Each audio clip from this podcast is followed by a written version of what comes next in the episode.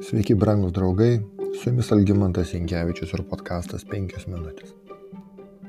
Senovės Izraelėje be galvijų auginimo žmonės užsiemė žemės ūkiu, augino javus, vynogės, alyvogės ir dar daug daugiau.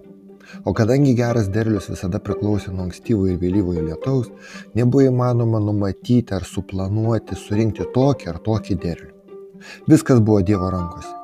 Vienintelis pagrindas, kuriuo izraelitai galėjo remtis planuodami, buvo tikėjimas Dievo pažadu, taip taip Dievo pažadu, kad lietus bus numatytų laiku. Tačiau buvo dar vienas pažadas susijęs su derliaus nuėmimu ir šabo bei jubilėjaus arba jubiliejiniais metais. Dievas įsakė, Šešerius metus sėsi savo lauką ir šešerius metus genėsi savo vynogyną ir nuiminėsi derlių. Bet septintaisiais metais turėsi, turės būti žemė visiško poilsio šabas, šabas viešpačiui. Savo lauko nesiesi ir savo vynogyno negenėsi. Tada nepjausi jokių savaime išaugusių javų, nenuiminėsi vynogių nuo negenėto vynmedžio. Septintieji bus žemė visiško poilsio metai. Tačiau, ką žemė išaugina per savo šabą, jūs galite valgyti tu, tavo vergai ir vergės, tavo samdiniai ir įnamiai. Ir tavo galyvėjams bei laukiniams krašto gyvuliams pašaras bus tai, ką žemė savaime išaugina. Atskaičiuosi septynis septynetus, septynis kart septynerius metus taip, kad septynerių metų septynetai sudarytų 49 metus. Tada septinto mėnesio dešimtą dieną skardžiai pusė ragą Permaldavimo dieną jūsų rago gaudesys teidi visame jūsų krašte. Švesite penkisdešimtuosius metus ir paskelbsite laisvę krašte visiems jo gyventojams. Tai bus jums jubilėjaus metai, sugrįšite kiekvienas jūsų prie savo nusavybės ir kiekvienas į savo miestą. Tie penkisdešimtieji bus jums jubilėjaus metai. Nesėsite, nepjausite jokių savaime išaugusių javų, nenurinksite vynogių nuo neapgenėtų vynmedžių, nes tai jubilėjaus metai, jums bus jie šventi, galite valgyti tik tai, ką išaugina pati dirba. Kunigų 25 skyrius. Tai statymas apie jubiliejinius arba jubilėjaus metus. Akimirkai įsivaizduokite. Visa tai ir turbūt jums kils klausimas, palapalat, o tai ką mes valgysime? Kuo mes sėsime laukus? Ir be kito ko, Taigi prarastos galimybės ar, sakykime, prarastas pelnas. Gali būti, kad šioje aplinkybėje net jūs bandysite rasti viso to išvaistimo kabutėse, kabutėse kaltininką. Bet juk Dievas taip įsakė. Be to, jis taip pat pateikė atsakymą į loginį klausimą, kurį uždavėme. Ką mes valgysime septintaisiais metais?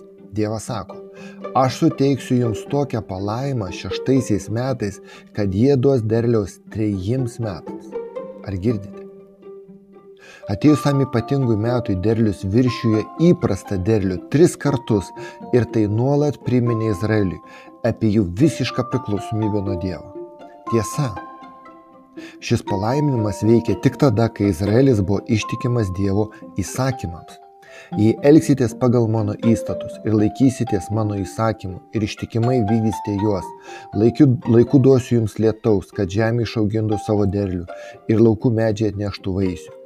Javus kursite lygi vynogių rinkimo metu, o vynogių rinkimas pasivysėja. Valgysite savo duonos iki sotės ir savo krašte galėsite saugiai gyventi. Sukursiu krašte ramybę, gulėsite, gulsitės miegoti ir nebus kas jūs gazdintų. Leisiu kraštui atsikvėpti nuo plėšriųjų žvėrių. Per jūsų kraštą nežygios kalavijas savo priešus priversite bėgti ir jie kris nuo jūsų kalavijų. Jūsiškių penketas privers bėgti šimtą, o jūsiškių šimtinė dešimt tūkstančių. Jūsų priešai kris nuo jūsų kalavijų.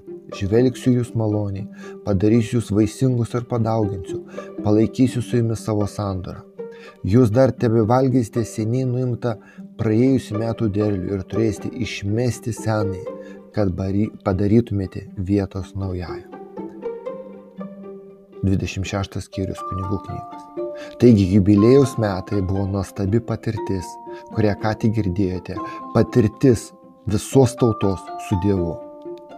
Tačiau jubiliejus turėjo dar vieną svarbų bruožą. Žemė negali būti visam laikui parduota, nes 50 metais ji buvo gražinama buvusiam savininkui. Kunigų 25 skyrius.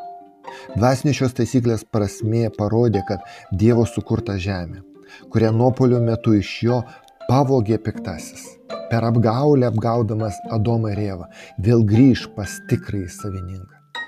Luko Evangelijos skaitomi istorija. Jėzus parėjo į Nazaretą, kur buvo užaugęs.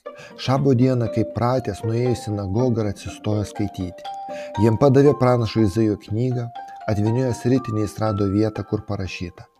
Viešpaties dvasia ant manęs, nes jis patipė mane, kad nešiau gerąją naujieną vargdienėms, pasiuntė skelbti belaisviams išvadavimų, akliesiems regėjimų, siuntė vaduoti prislėgtųjų.